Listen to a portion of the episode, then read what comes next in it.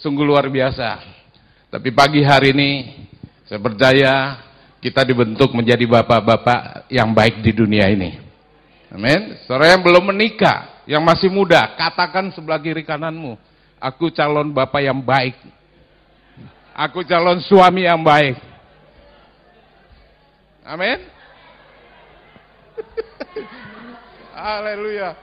Iya, jadi bukan di gereja saja baik, ya nggak? Di rumah juga harus baik. Ada amin. Kok aminnya dikit? Curiga saya ini. Saudara, Father's Day.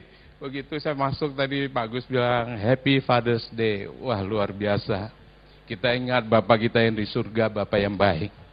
Kita segambar serupa seperti dia. Amin. Ada amin?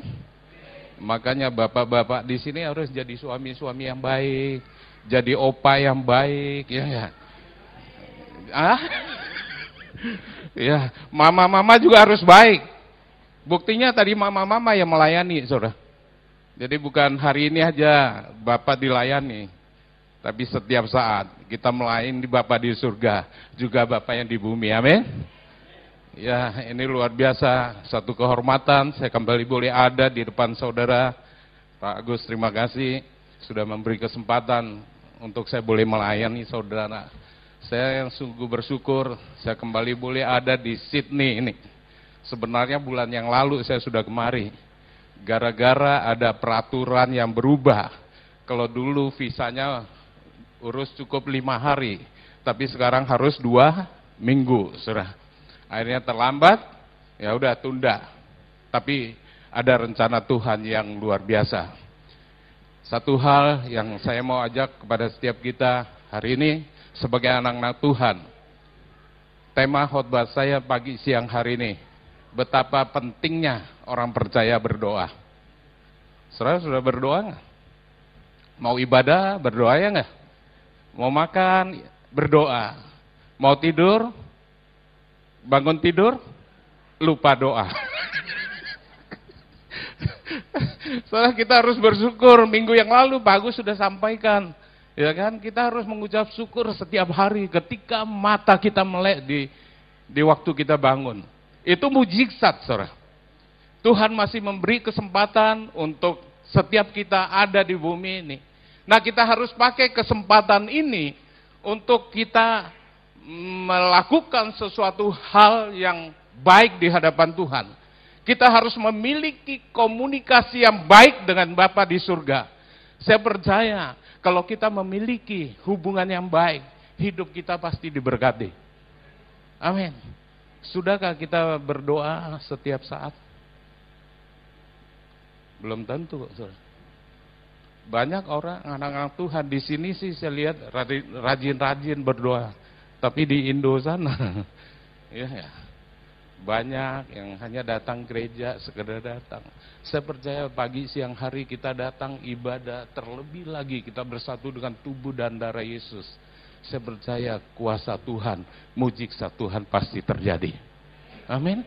Karena ketika kita bersatu dengan tubuh dan darah Yesus, apa yang dikatakan Tuhan Yesus? Barang siapa makan dagingku, minum darahku, dia mempunyai hidup yang kekal dan aku akan membangkitkan dia pada akhir zaman. Sebab dagingku adalah benar-benar makanan, darahku adalah benar-benar minuman. Barang siapa makan dagingku dan minum darahku, dia di dalam aku, aku di dalam dia. Saya percaya ketika kita bersatu dengan tubuh dan darah Yesus, kalau Yesus ada dalam kita, kita ada di dalam Yesus, maka kita mempunyai tubuh yang sehat, jiwa roh yang disempurnakan. Ada amin? Iya, ini jangan diremehkan, bukan satu rutinitas. Kita bersatu dengan tubuh dan Yesus. Ini perkataan Tuhan Yesus sendiri. Dia di dalam kita, kita di dalam dia. Makanya bapak-bapak di sini, ibu-ibu di sini, terus bersatu dengan tubuh dan Yesus. Saya percaya kita awet nom, saudara. Tahu awet nom? Ya, harus sukacita, ya enggak? Anak Tuhan harus sukacita, jangan mencucu terus. Ya, ini penting. Tema saya hari ini apa tadi? Betapa pentingnya orang percaya berdoa. Kita baca satu ayat, Lukas 18. Lukas 18 ayat yang pertama. Sudah di situ? Kita baca sama-sama. Satu, dua, tiga. Yesus mengatakan suatu perumpamaan kepada mereka untuk apa? Menegaskan. Saya ingat bahwa mereka harus selalu berdoa dengan tidak jemu-jemu. Ini perkataan Tuhan Yesus. Supaya kita selalu berdoa dengan tidak jemu-jemu. Berapa banyak hari-hari ini anak-anak Tuhan sudah mulai bosan berdoa. Karena apa? Doanya belum dijawab Tuhan, belum dikabulkan. Saya mau beritahu kepada setiap kita hari ini, siang hari ini, sebagai anak Tuhan, apa yang dikatakan Tuhan Yesus, hendaklah kita harus berdoa dengan tidak jemu, jemu. Orang yang sudah bosan berdoa itu, wah, saudara, dia tidak memiliki hubungan yang baik dengan Tuhan. Tapi pagi siang hari ini kita harus memiliki komunikasi yang baik dengan Tuhan.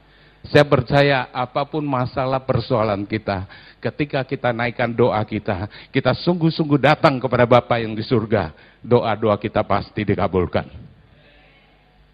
Apa yang kita minta, apa yang kita minta, yang kita doakan di dalam nama Tuhan Yesus, kita percaya Tuhan sendiri yang katakan, aku akan melakukan melakukannya. Kalau yang lalu, minggu lalu kita baca di Efesus 6, ya kan? Efesus 6 ayat 18. Di situ juga kita diingatkan. Ya, kita baca ayat itu, Efesus 6.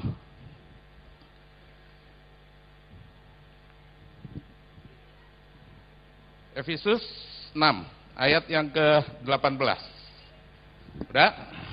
Ini yang disampaikan Pastor Agus kemarin, minggu kemarin, di ayat 18 kita baca, dalam segala doa dan permohonan, berdoalah setiap waktu di dalam roh, dan berjaga, jagalah di dalam doamu itu dengan apa?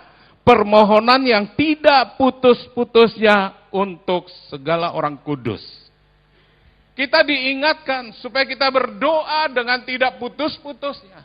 Satu saat ada seorang wanita, dia datang kepada saya Pak Pendeta, dia katakan, kalau saya sedang berdoa, ya, kalau saya sedang berdoa dan juga sedang buang air besar itu, dia bilang dosa enggak? Dosa enggak kira-kira? Hah? Dosa enggak? Sambil ngeden, sambil berdoa. Kira-kira dosa enggak? Enggak, saudara. Di mana pun kita berada, kita komunikasi dengan Tuhan. Amin. Doa setiap saat, saya di mana aja. Kalau perlu sambil nyetir juga doa. Ya, asal jangan tutup mata berdoa. Kalau saudara doa sambil tutup mata, wah, itu tidak berhikmat namanya. Tapi saya percaya apa yang Tuhan Yesus mau bagi saya dan saudara supaya kita tetap berdoa dengan tidak jemu-jemu di mana pun kita berada, kita adakan komunikasi dengan Bapak di surga. Amin. Banyak orang bilang, kalau ketika kita punya masalah, datang di pendeta, paling-paling dia omongin apa sih? Berdoa ya. Datang ke pendeta A, pendeta B, datang ke pendeta Agus juga paling disuruh berdoa. Ya karena memang doa itu punya kuasa yang luar biasa. Ada satu kekuatan bagi setiap kita orang percaya. Ada amin. Saya curiga, saudara. Kalau saudara sering datang ibadah, saudara rajin di dalam pelayanan, tapi kalau saudara hidupnya tidak berdoa, bisa-bisa saudara dipaki setan untuk menghancurkan pekerjaan Tuhan. Banyak. Di Sydney mungkin nggak ada. Di Jawa sana banyak, saudara. Ya, sesama pelayan hantam sini, hantam sana. Ya, wow banyak di Indo makanya kemarin Pak Agus tanya, kalau kalau waktu saya Pak Agus sakit, saudara buat apa sih? Apa yang saudara lakukan? Saya tunggu-tunggu ini Pak jawabannya. ya, ya kita dukung dalam doa. Ada amin. Dua orang sepakat di dunia ini minta apa saja Tuhan beri. Doa buat Bapak Gembalamu. Doa buat istrimu, doa buat suamimu, doa untuk rekan-rekan sepelayananmu. Di mana pun kita berada, kita harus menjadi rumah doa. Ada amin? Percaya doa kita ini loh penuh kuasa. Setelah dua minggu saya melayani di Sumba. Cukup lelah, 14 hari selama di situ. Dua minggu 14 hari, 12 hari, tiap hari saya harus melayani pagi, sore, malam, sore, sore, malam. Wah cukup lelah. Tapi dalam pelayanan itu luar biasa. Ada sukacita yang luar biasa. Saya percaya setiap kita juga dipakai Tuhan. Sehingga doa-doa kita penuh kuasa. Siapa pun yang kita doakan, doa-doa kita pasti dikabulkan. Asal hidup kita sebagai anak Tuhan harus berjalan di dalam kebenaran. Tanpa kekudusan tidak ada seorang pun melihat Tuhan. Kalau hari ini terlebih lagi setiap kali perjamuan kudus kita ingat akan pengorbanan Tuhan Yesus di atas kayu salib. Dia curahkan darahnya, dia korbankan tubuh dan darahnya. Untuk siapa dia lakukan kalau bukan untuk saya dan Sora. Sehingga kita dikatakan adalah orang-orang yang benar doa orang yang benar. Bila dengan yakin didoakan besar kuasanya. Nah pagi hari ini kenapa Tuhan menghendaki saya dan saudara untuk kita tetap berdoa dengan tidak jemu-jemu. Yang pertama karena kekuatan manusia itu terbatas. Kekuatan saudara terbatas nggak? Sangat terbatas. Saya sudah alami semua itu. Ketika saya dalam keadaan kritis, kena serangan jantung, di situ baru saya mengerti, saudara, bahwa kekuatan manusia ini tidak apa, tidak ada apa-apanya. Ketika kita hidup dulu dalam kesombongan, kayaknya semua kita bisa dengan kekuatan kita. Saya mau beritahu, ketika saya dalam keadaan kritis di pinggir lapangan, saat itu baru saya sadar, ternyata kekuatan manusia itu nggak ada apa-apanya. Kita kita harus sadar pagi hari ini. Sebagaimana kita ada pagi hari ini, itu semua karena Tuhan. Itu semua karena anugerahnya, kemurahannya, karena kasihnya yang luar biasa. Ada amin? Sehingga kita selalu mengucap syukur. Saya percaya apa yang dialami Pak Agus beberapa minggu yang lalu. Kalau di Indo ada pendeta yang sakit Pak, Jemaatnya bukan doa untuk pendetanya. Jemaatnya bilang apa? Ada apa ya dengan pendeta itu? Kok sakit ya? Mungkin dosa. Dosa apa lagi? Ya nggak? Itu di Indo, saudara. Saudara doa. Ada amin? Iya, saya percaya. Apa yang dialami setiap kita anak-anak Tuhan. Yang Tuhan izinkan kita alami. Kita harus percaya ada rencana Tuhan yang luar biasa. Kita harus sadar pagi hari ini bahwa kekuatan kita itu terbatas. Karena apa? Tuhan Yesus sendiri katakan di Yohanes 15 ayat yang kelima. Ya kita baca Yohanes 15 ayat yang kelima. Saya heran kadang-kadang kalau di gereja jarang yang maju ke depan ya Pak. Banyak di belakang ya. Ada satu hari jemaat datang bilang sama saya. Pak, pendeta, saya nggak mau duduk di depan. Loh kenapa? Ya, soalnya kalau ditanya, siapa yang mau masuk surga? Rame-rame semua angkat tangan. Tapi kalau ditanya, siapa yang mau duluan? Gak ada yang mau. ya, ya, jadi kita di belakang aja. Kadang-kadang manusia itu ada aja yang dia pikir. Tapi kita harus jadi anak Tuhan yang sungguh-sungguh. Amin. Ya, Yohanes 15 ayat yang ke-5. Sudah, kita baca sama-sama. Satu, dua, tiga. Akulah pokok anggur dan kabulah ranting-rantingnya. Barang siapa tinggal di dalam aku dan aku di dalam dia, ia berbuah banyak. Sebab di luar aku, kamu tidak dapat berbuat apa-apa. Kita harus sadar tanpa Tuhan kita nggak bisa berbuat apa-apa. Amin. Tapi bersama Tuhan Yesus kita sanggup melakukan perkara-perkara yang luar biasa. Kita harus sadar. Nah, kenapa Tuhan menghendaki saya dan saudara untuk berdoa dengan tidak jemu-jemu? Karena kekuatan manusia itu terbatas. Tuhan Yesus katakan, di luar aku, kamu tidak bisa berbuat apa-apa. Tapi kalau kita di dalam Tuhan, Tuhan di dalam kita, saya percaya kita sanggup melakukan perkara yang luar biasa. Sehingga nama Tuhan Yesus dipermuliakan. Amin. Ada amin? Ada amin? Harus semangat anak Tuhan. Father-father harus semangat ya nggak? Apalagi hari Father's Day ini.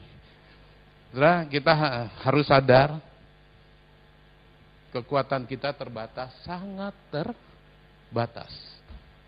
Saya percaya kalau kita yang selalu jaga hubungan dengan Tuhan, komunikasi dengan Tuhan, ketika kita menghadapi masalah, ada kekuatan yang luar biasa yang Tuhan berikan. Amin. Jangan sampai enggak berdoa, saudara. Banyak hari-hari ini anak Tuhan di Indo sana. Saudara, hanya karena masalah mereka meninggalkan Tuhan. Saudara. Mulai lari dari Tuhan dakwah. Ada satu cerita seorang anak Korea. Saya nggak tahu, saya sudah pernah sampaikan nggak di sini. Ada seorang nona, anak dari salah satu direktur daripada perusahaan elektrik yang cukup besar di Korea. Nah, ketika bapaknya menjabat sebagai direktur, kehidupan anaknya Nona ini sangat hidup dalam kemewahan, Saudara. Seolah-olah dia ya semua ini karena orang tuanya. Tapi satu hari ketika orang tuanya meninggal, Saudara, karena sakit, apa yang dialami anaknya? Anaknya nggak bisa menerima dengan keadaan itu. Dia mulai hidup dalam keputusasaan, padahal dia seorang anak Tuhan. Dari keluarga Kristen. Apa yang terjadi?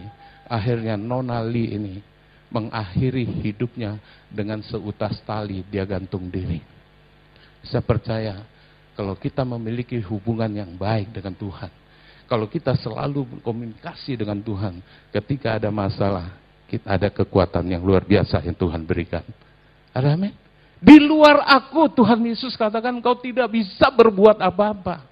Ini harus kita sadari. Apa yang kita punyai, apa yang kita miliki hari-hari ini. Kita harus sadar, itu semua karena Tuhan yang memberkati kita. Ada amin? Ulangan 8 ayat 18 dikatakan, kita harus ingat kepada Tuhan kita. Dialah yang memberi kekuatan untuk kita memperoleh kekayaan.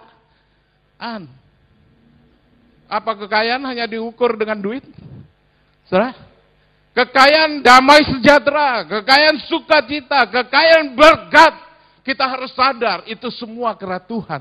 Sehingga hari ini aku ada sebagaimana aku ada. Ini luar biasa. Kita harus sadar kekuatan kita terbatas. Oleh sebab itu Tuhan Yesus mengadaki saya dan saudara untuk kita tetap berdoa dengan tidak jemu-jemu. Ada amin. Ada amin, saudara. Saudara sudah siapkan perbulan untuk Tuhan mengenai waktu? Belum? Sudahkah 2,4 jam?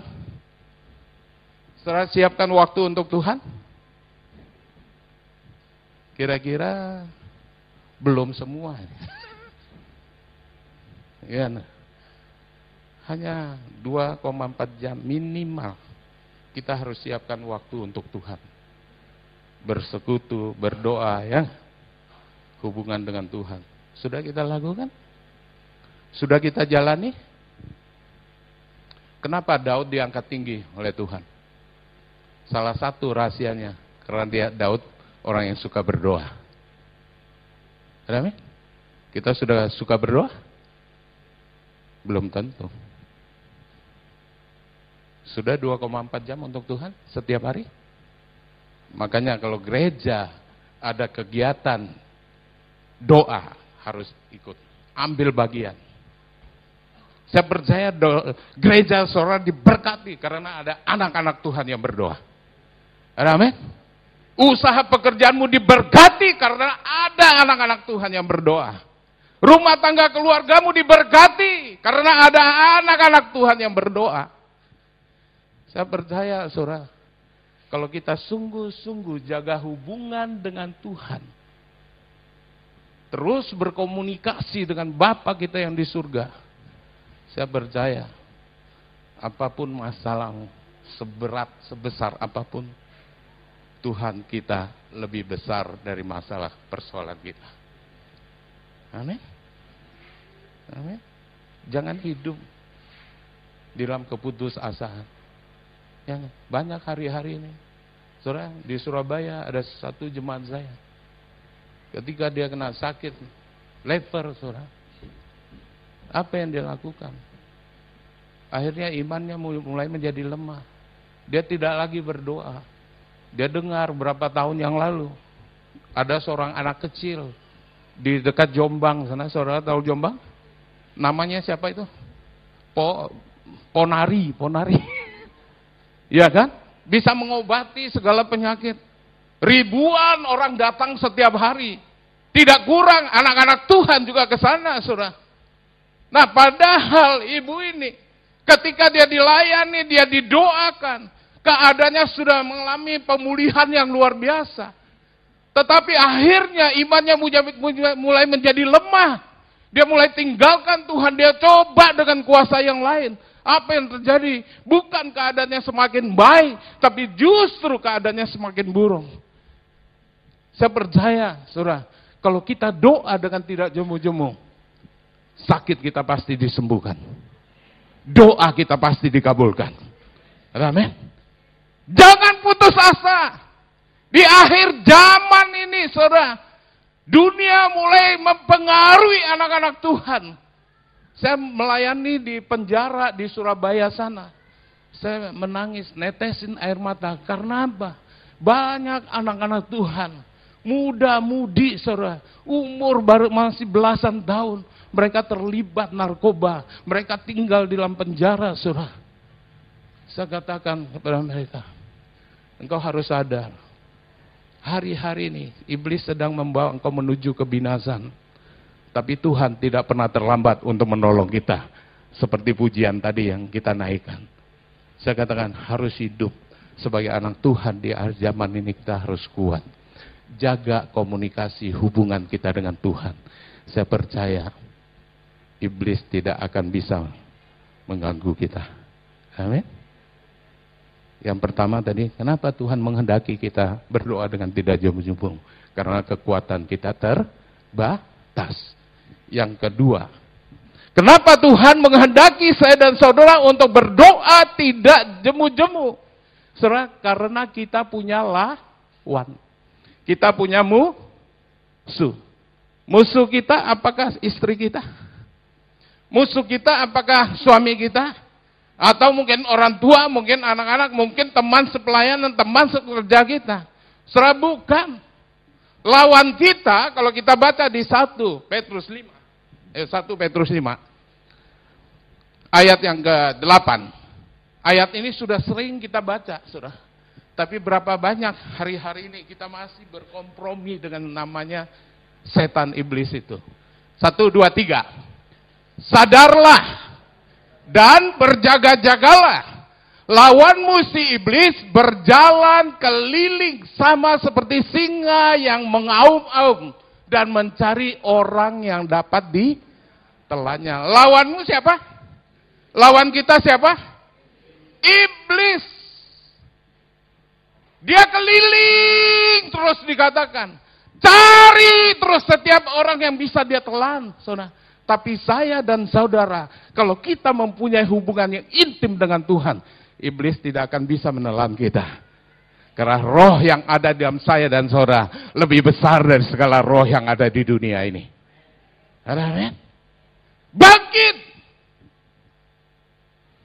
Jangan kalah lagi dengan setan. Satu hari ada seorang jemaat tanya sama saya, Pak Pendeta, saya mau bertanya, iblis sebenarnya ada di mana sih? Ya kan? Saya bilang, iblis ada di mana? Mana? Oh gitu ya Pak Pendeta. Di gereja juga ada iblis kalau begitu. Ada. ya. ya. Di gereja ada iblis kalau begitu. Iya ada. Jangan kira di gereja nggak ada setan ya. Saudara hati-hati. Terus kalau gitu di rumahku ada iblis. Ada, kenapa enggak? Dia bilang apa, saudara? Makanya suamiku Pak Pendeta kayak iblis.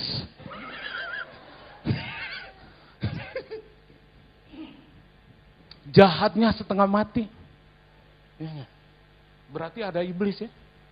Ada. Ya, dia keliling kan? Di mana-mana dia keliling. Di gereja, di rumahmu, di kantormu. Cari terus bagi orang yang buka celah ya. Tapi kalau saya dan Sora menutup celah itu, saya percaya iblis tidak akan mengganggu kita. Kita hanya bilang dalam nama Yesus, iblis, hanya kau. Ya, ya pergi sama dengan kesaksian Pak Agus kemarin ya. Ini kan ini malam udah bisa lewat ya. Iblis mulai bisik ya. ya. Kalau anak Tuhan takut, wow, hilang damai sejahtera, hilang sukacita.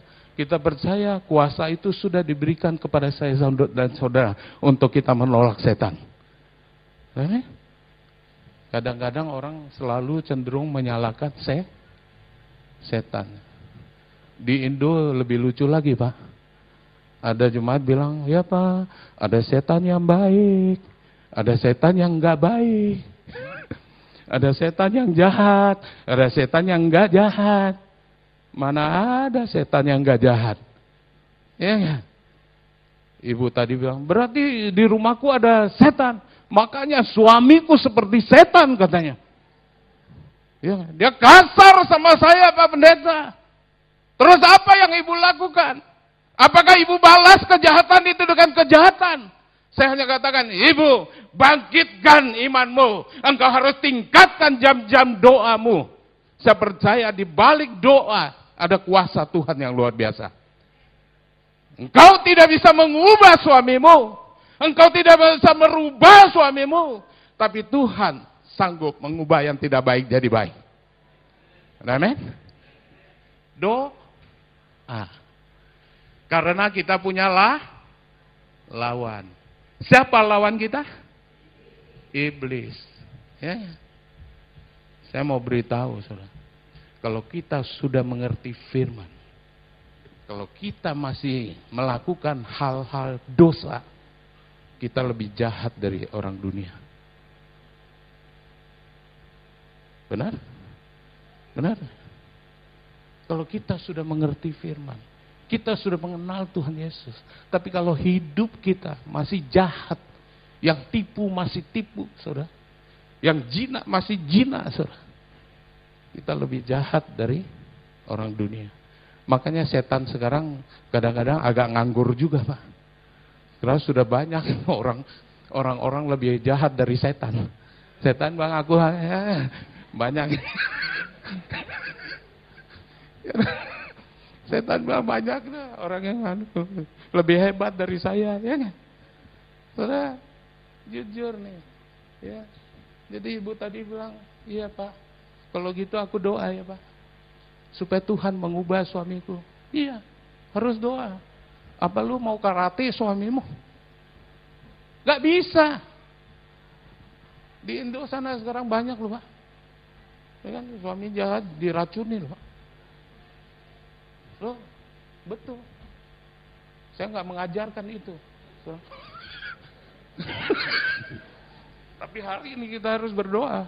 Ketika kita melihat mungkin suami, mungkin istri, ya kan?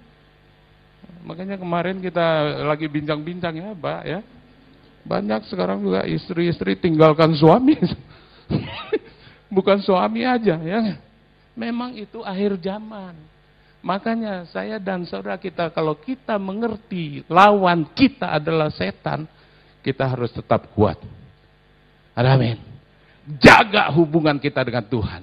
Berdoa dengan tidak jemu, jemu. Jangan pernah ber, artinya kita berdoa, kita bosan untuk berdoa. Tapi kita harus tetap berdoa. Apa pun yang terjadi di dalam hidup ini. Memang di dalam hidup ini ada masalah. Ada persoalan. Ada pergumulan. Tapi aku harus tetap jaga hubungan aku dengan Tuhan. Saya percaya lewat doa itu. Ada kuasa Tuhan yang luar biasa.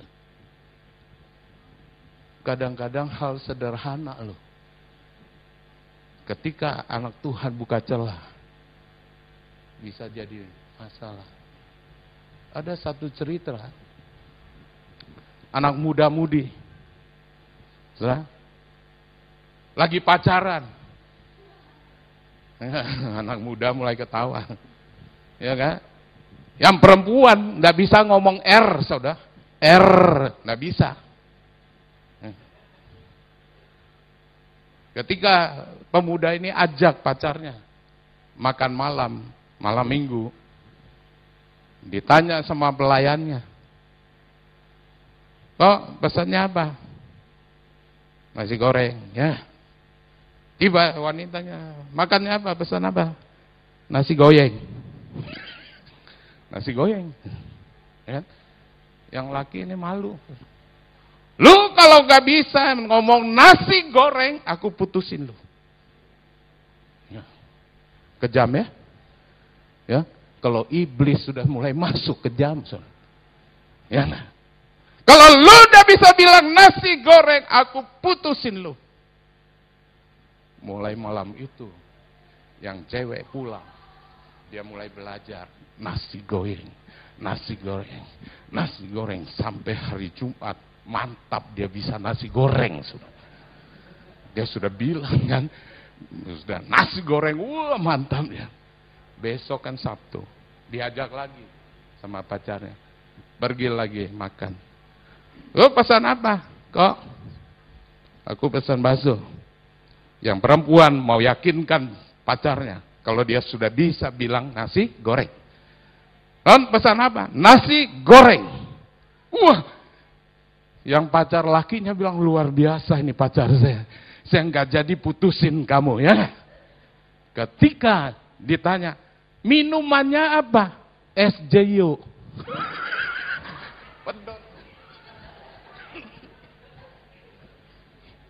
Dia hanya dia hanya latih omong nasi goreng. SJU lupa. Akhirnya putus, saudara. Ya kadang-kadang hal kecil ketika kita membuka celah untuk setan masuk, saudara semua hal kecil bisa jadi mah Salah. Tapi kita harus tutup rapat-rapat. Amin. Jangan salahkan setan. Kita harus salahkan pribadi, diri kita sendiri. Kadang-kadang yang membuat celah, setan masuk. Kalau setan sudah menguasai seseorang, dia mulai muncul kedagingan. Ya, ya perbuatan setan. Datang apa? Mencu, membu, membi, nasakan.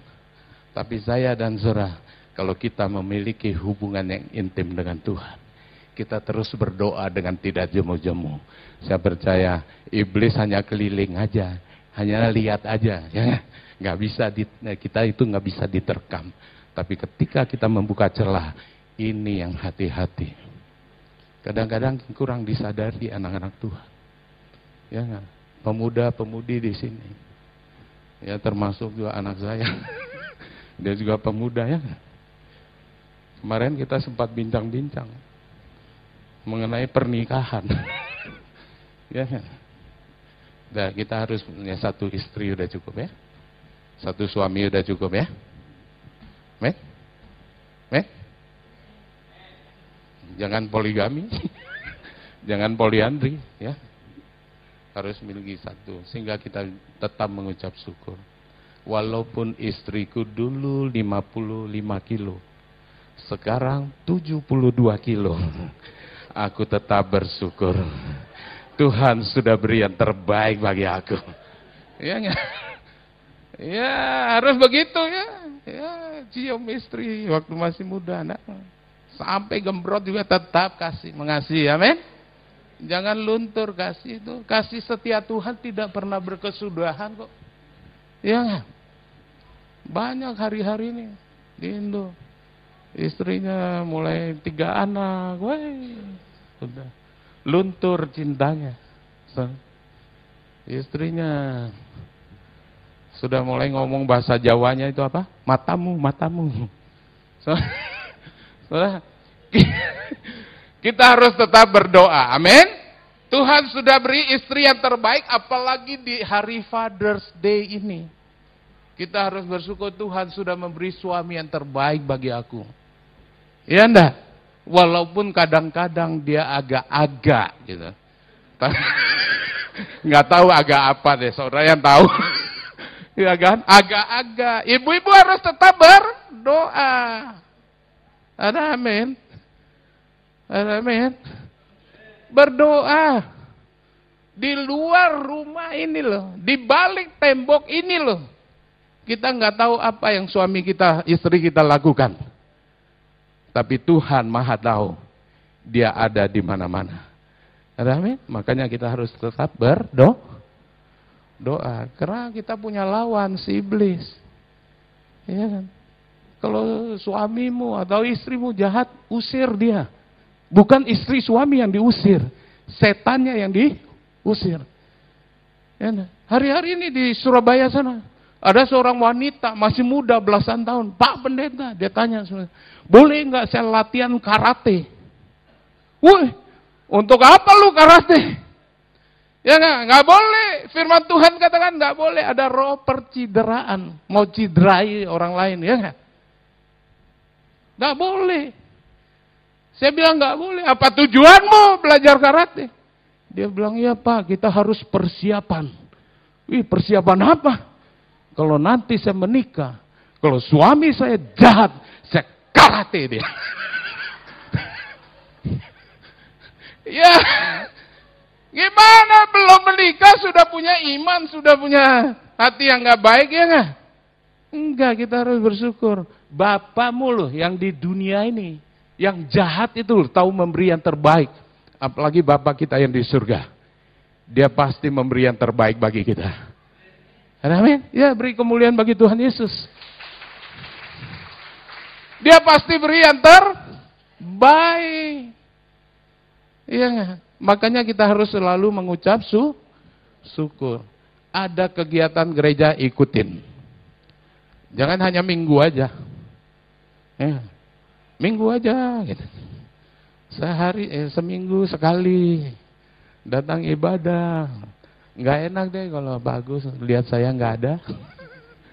Saudara, bukan itu. Kita datang ibadah, kita bersekutu, kita berdoa, kita memuji, kita menyembah, kita dengar firman. Saya percaya ibadah itu tidak pernah sia-sia. Amin. Ini penting, saudara. Harus miliki hubungan yang intim dengan Tuhan. Doa dengan tidak jemu-jemu. Karena musuh lawan kita adalah si iblis. Dia selalu mengeliling, dia tidak pernah berhenti bekerja. 24 jam, 24 jam dia bekerja. Tapi saya dan saudara, kita harus miliki hubungan yang baik dengan Tuhan. Kita harus tingkatkan jam-jam doa kita dengan tidak jemu-jemu. Saya percaya ada satu kekuatan yang luar biasa. Amin. Minggu lalu kita dengar, ya, kan? firman sudah disampaikan. Kita harus dengan kekuatan Tuhan lawan iblis itu. Saudara dengan kekuatanmu tidak akan bisa. Tapi bersama Yesus kita tinggal bilang, "Eh iblis, kau mau mengganggu rumah tangga keluargaku? Kau mau mengganggu kesehatan? Ya kau." Kalau tolak setan itu harus banter, saudara. Tahu banter? Bahasa Inggrisnya apa itu? Keras gitu, tengking gitu ya. Jangan loyo-loyo. Setan. Tolong kau pergilah, jangan ganggu aku. Setan bilang, siapa lu? Kita kan hopeng. Tidak ada kompromi dengan namanya setan, ya ya. Tengking. Ketika setan mau mengganggu rumah tangga keluargamu dalam nama Yesus, Setan, iblis, kau mau datang mencuri damai sejahtera, aku batalkan, aku tolak dalam nama Yesus. Kalau perlu, pakai minyak urapan. Di mana-mana saya pakai minyak. Kenapa? Firman Tuhan katakan. Markus 6 ayat 13. Mengusir setan-setan, menyembuhkan yang sakit dengan apa? Minyak. Bukan kita berhalakan minyak ini, tapi minyak ini sebagai sah rana. Tapi kita pakai di dalam nama Tuhan Yesus. Masa kita kalah dengan dukun? Dukun pakai minyak senyong-nyong, Tapi kita minyak urapan, minyak zaitun yang menghormati Allah, yang menghormati manusia. Amin. Tolak setan dalam nama Yesus.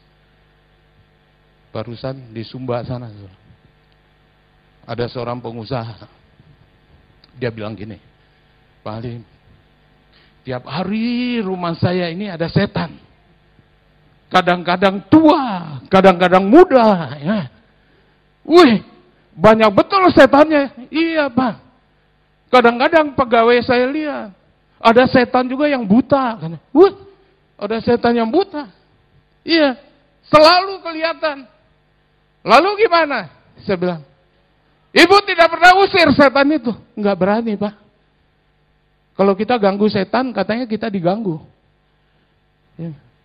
Gak ada kompromi dengan setan, saya bilang. Setan itu harus diusir. Yang harus kita hadirkan di tengah-tengah rumah tinggal kita, rumah tangga keluarga kita, yaitu kemuliaan Tuhan. Bukan setan. Ya, mana ada setan yang baik? Kalau kita tidak ganggu, dia nggak ganggu kan Pak Pendeta? Siapa bilang?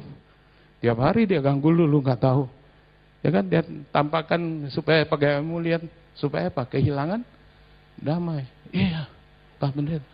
Setiap kali begitu saya turun dari lantai dua untuk ke toko, mulai sudah nggak enak badan saya. Saya mulai nggak ada damai. Saya mulai tidak kerasan lagi di toko itu. Setan mencuri. Apa yang dicuri? Damai, sejahtera. Apa yang dicuri? Sukacita. Oleh sebab itu harus usir.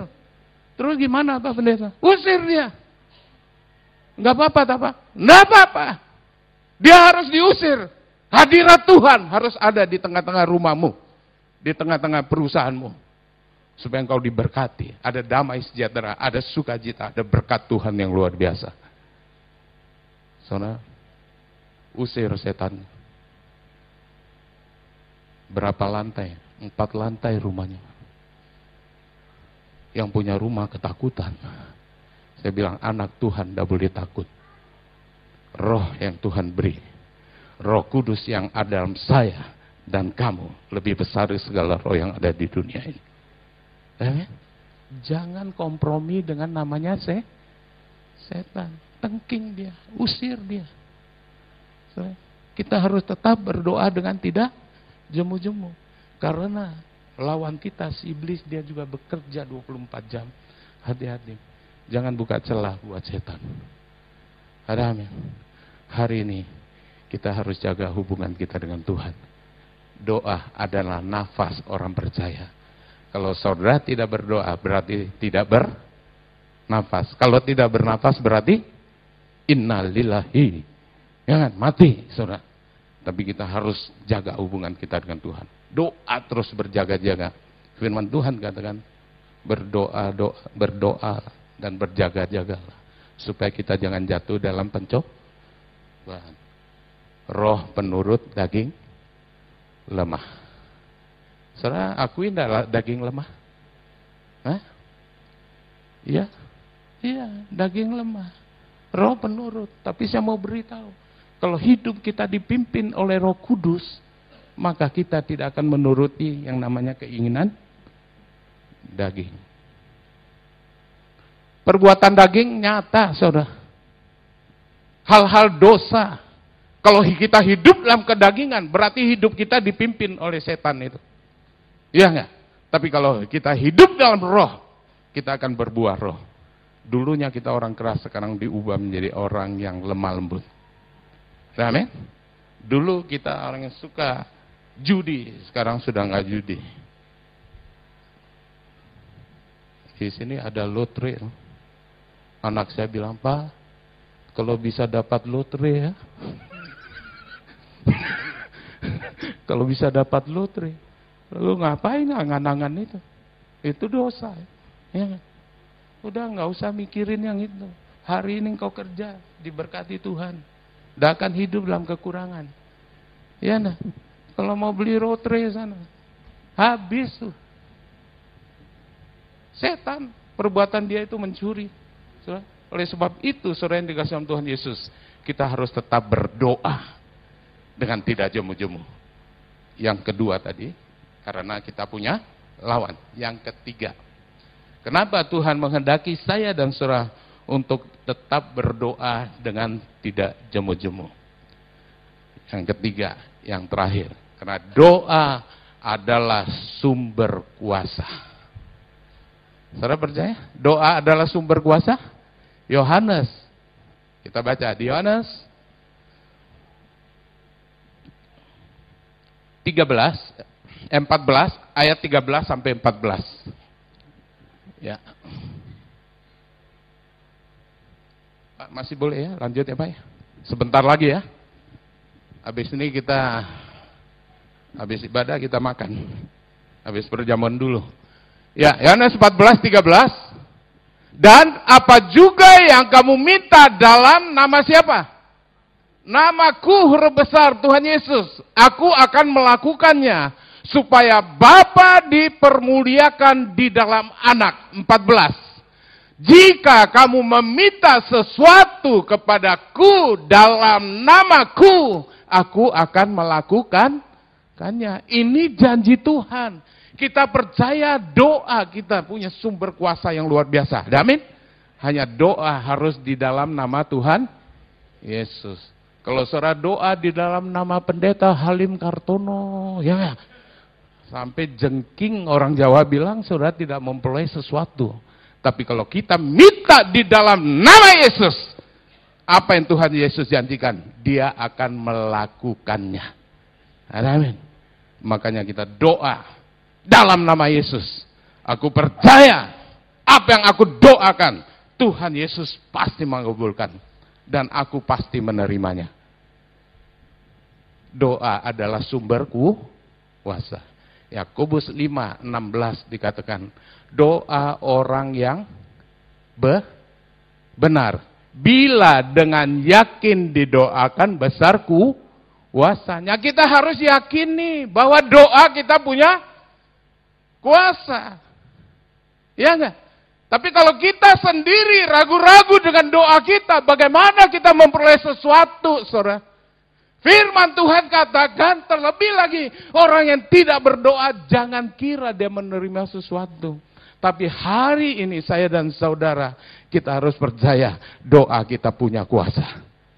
Amin. Bulan yang lalu saya layani di Sumba, saudara, Sumba, saudara tahu Sumba, NTT di Indo. Ada seorang anak kecil, umur satu tahun, saudara. Kondisinya sangat memprihatinkan Saudara duduk nggak bisa, ya kan? Badannya kayak anak idiot gitu. Tangannya gini, kakinya gini. Umur satu tahun. Saudara nggak bisa apa-apa. Bahkan paru-parunya sudah rusak. Kalau hawa dingin begini, dia nafas anak kecil itu. Mungkin 50 meter kedengaran suara nafasnya. Saudara, kondisinya sudah nggak baik. Dokter sudah angkat tangan, nggak bisa lagi disembuhkan. Tapi Ketika saya datang di Sumba, saya melayani orang tuanya, papa, mamanya, datang kira-kira jam setengah belas, sebelas malam, datang di depan hotel. Dia minta supaya didoakan. Karena anaknya ngalami catat seperti ini. Serah apa yang terjadi. Saya ambil minyak. Saya bilang sama dia.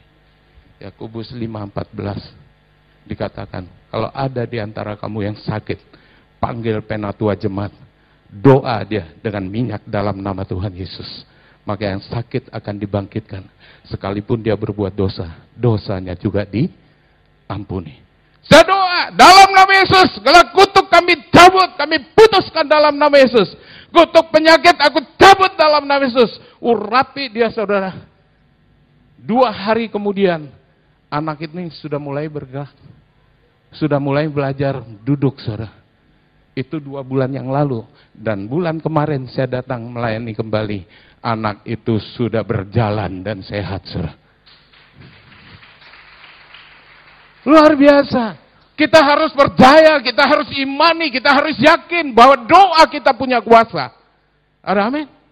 Ada satu kakak ipar saya di Sumba Barat, saudara. Nah, waktu itu suaminya ada di Surabaya.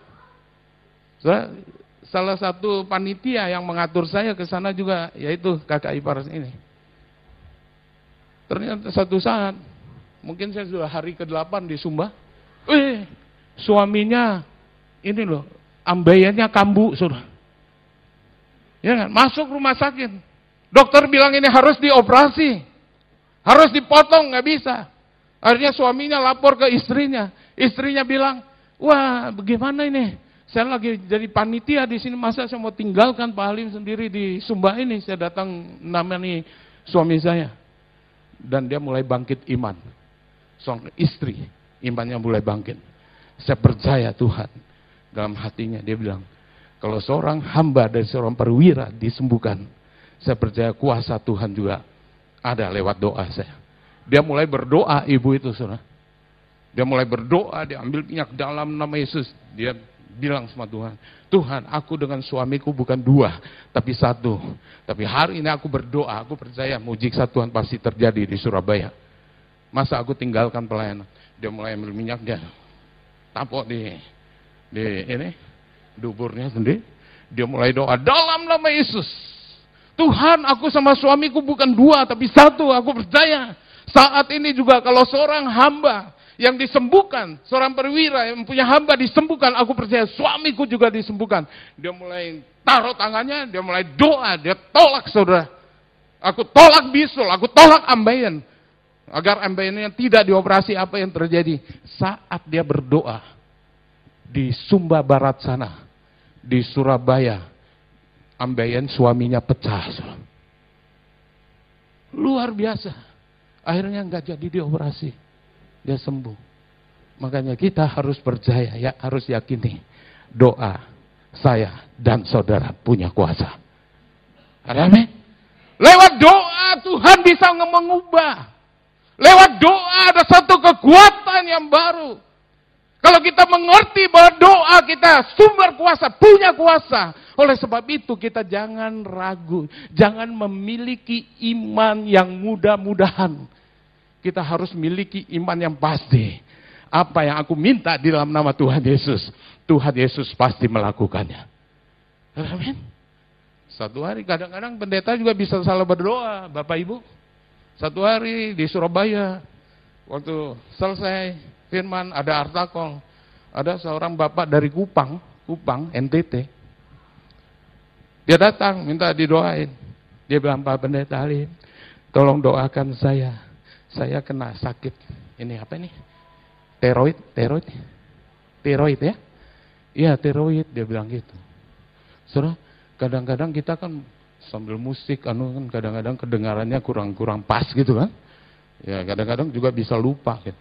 Waktu saya mulai doa Bapak ini dalam nama Yesus, aku tumpang tangan di bagian bawah, saudara. Aku tolak prostat. Salah, salah ingat. Bapak yang di Kupang itu bilang, Bang, nggak ada, nggak ada ini apa nih, teroid di bawah, teroid. Dia bisikin saya, Pak, Pak Pendeta, nggak ada teroid di bawah, teroid itu di atas. saya bilang jangan-jangan juga ada postat sudah deh sekalian tolak postat, tolak teroid ya. Kadang-kadang bisa lupa ya nggak? Ya, Pak, Pak Agus ya jujur ya, kadang-kadang kita salah doa, tapi Tuhan tahu kan maksudnya. Ya. Tapi jemaat pinter loh, dia bisikin Pak Pendeta, nggak ada teroid di bawah Pak Pendeta. teroid di atas. sudah akhirnya teroid, sudah aduh, porsat juga kita doain. Sampai hari ini saya tidak pernah ketemu lagi, saya percaya dia sembuh deh. Doa orang yang benar. Bila dengan yakin didoakan besar kuasanya. Ada amin. Iya, harus yakin nih. Jangan bilang hanya pendeta, doanya punya kuasa. Enggak, saudara. Setiap kita anak Tuhan, Tuhan sudah beri kuasa. Mulai hari ini saudara praktek. Ya enggak? tolak kelemahan tubuh. Tuhan berkati aku tubuh yang sehat. Aku bersatu dengan tubuh dan darahmu. Engkau di dalam aku, aku di dalam engkau. Aku pasti miliki tubuh yang sehat. Wih, punya iman seperti itu. Amin. Amin, saudara. Iya, doa. Ada sakit tolak. Sekarang di Amerika itu banyak sakit. Orang kalah dengan nyamuk. Ya kan? Di NTT banyak orang kalah dengan nyamuk malaria. Masa kita badan gede gini kalah dengan nyamuk? Ya, tolak nyamuk, amin. Tolak demam berdarah, tolak malaria. Saya percaya, saudara, kita punya kuasa. Doa kita punya kuasa. Amin. Kita belajar dari Hiskia, saudara. Ya enggak? Hiskia apa yang dia alami? Eh, kita baca sebentar, Hiskia. Tidak apa-apa ya Pak ya? Ya, terakhir ini Pak. Benar-benar terakhir. Ya, Hizkia. Hakim, eh dua raja-raja, 20. Dua raja-raja, 20. Ini kita belajar dari Hizkia. Apa yang Hizkia alami? Yuk kita baca, 1 sampai 6. Sama-sama, 1, 2, 3. Pada hari-hari itu, Hizkia jatuh sakit dan hampir mati. Lalu datanglah Nabi Yesaya bin Amos dan berkata kepadanya, Beginilah firman Tuhan, sampaikanlah pesan terakhir kepada keluargamu, sebab engkau akan mati, tidak akan sembuh. Terus, lalu Hizkia memalingkan mukanya ke arah dinding dan ia berdoa garis bawah itu. Ia berdoa, ya kan? Ia berdoa kepada Tuhan. Ah Tuhan, ingatlah kiranya bahwa aku telah hidup di hadapanmu dengan setia dan dengan tulus hati dan bahwa aku telah melakukan apa yang baik di matamu. Kemudian menangislah Hizkia dengan sangat. Terus, tetapi Yesaya belum lagi keluar dari pelataran tengah. Tiba-tiba datanglah firman Tuhan kepadanya. Lima baliklah dan katakanlah kepada Hizkia, raja umatku, beginilah firman Tuhan, Allah Daud, bapa leluhurmu, telah ku dengar doamu dan telah ku lihat air matamu. Sesungguhnya aku akan menyembuhkan engkau pada hari yang ketiga, engkau akan pergi ke rumah Tuhan. 6. Aku akan memperpanjang hidupmu 15 tahun lagi. Dan aku akan melepaskan engkau dari kota ini. Dari tangan Raja Asur. Aku akan memagari kota ini. Oleh karena aku dan oleh karena Daud hambaku. Saudara kita belajar dari Hizkia. Ini bukan lagi keputusan dokter. Bukan vonis dokter. Tapi firman Tuhan katakan. Engkau akan mati. Tidak akan sembuh lagi apa yang dilakukan Hizkia? Dia bukan kecewa, dia bukan tawar hati, dia bukan berkeluh kesah, dia bukan bersungut-sungut, tapi dia datang, dia berpaling, dia berhadapan dengan tembok, dia berdoa kepada Tuhan dengan kondisi hati yang hancur, air mata yang berlinang. Apa Tuhan mengabaikan doanya? Akhirnya Tuhan kabulkan doanya. Belum lagi saya keluar dari tengah itu datang firman Tuhan. Tuhan akan menyembuh dan memberi panjang usianya selama berapa? 15 tahun. Keputusan Tuhan. Lewat doa seorang yang hidup di dalam kebenaran ada kuasa yang luar biasa. Amin. Hari ini mungkin saudara difonis dokter penyakitmu sudah nggak bisa disembuhkan. Bangkit iman, doa sama Tuhan Yesus. Dia sumber kuasa dia sumber mujizat. Dia sanggup mengadakan yang tidak ada jadi ada. Dia sanggup mengubahkan yang tidak baik jadi baik. Amin. Oleh sebab itu, hari ini kita harus miliki hubungan yang intim dengan Tuhan. Kita harus berdoa dengan tidak jemu-jemu. Saya percaya apa yang kita doakan siang hari Tuhan pasti kabulkan. Apa yang kita minta di dalam nama Tuhan Yesus, kita pasti menerima bahkan jauh lebih daripada yang kita minta. Beri kemuliaan bagi Tuhan Yesus.